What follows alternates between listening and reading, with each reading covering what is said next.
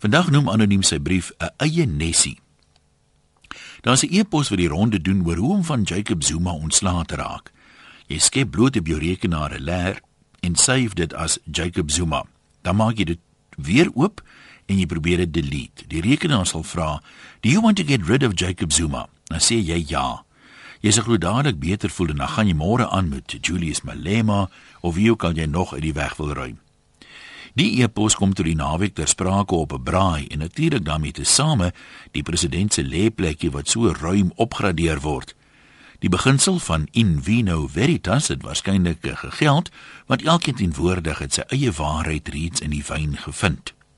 Die eerste ou soek dit natuurlik by the legacy of apartheid, maar net voordat ons hom kan uitgooi, verduidelik hy toe dat George nooit 'n lughawe sou gehad het as PW nie anker gegooi het op wildernis nie. Daar's die saadjie glo geplant. Ek sê toe met die hele streek trek dan voordeel uit die lughawe, al is vlugte George toe nou dierder as Kaap toe.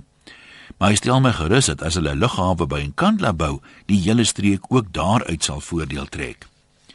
Voorspelbaar genoeg was daar heelwat opmerkings van Only in Africa, maar toe maak 'n bleek siel wat Engeland verlaat het om hom in die misdaad getuisterde Suid-Afrika te kom vestig borskoon. En is gou duidelik dat hy die ontwykende druppel wysheid wat meestal onder in die bottel skuil raak gedrink het. Hy raak die volgende kwyt. Ons moet dankbaar wees Zuma is so goedkoop sê hy.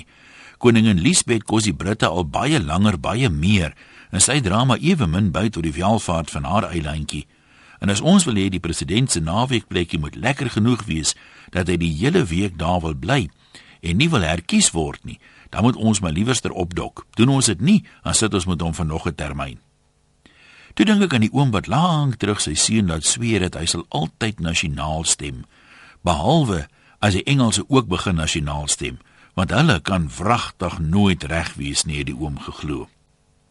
Wel, die pres was toe wel reg toe hy ons ruk terug aangemoedig het om elkeen ons eie in kan laat kry, 'n plekkie waar jou hart lê en waar jy tuis voel.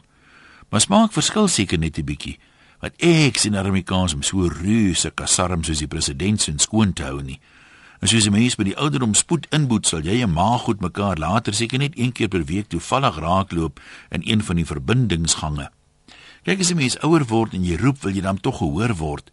Selfs deur iemand wat al 'n bietjie hardhorend is. Groete van oor tot oor, anoniem.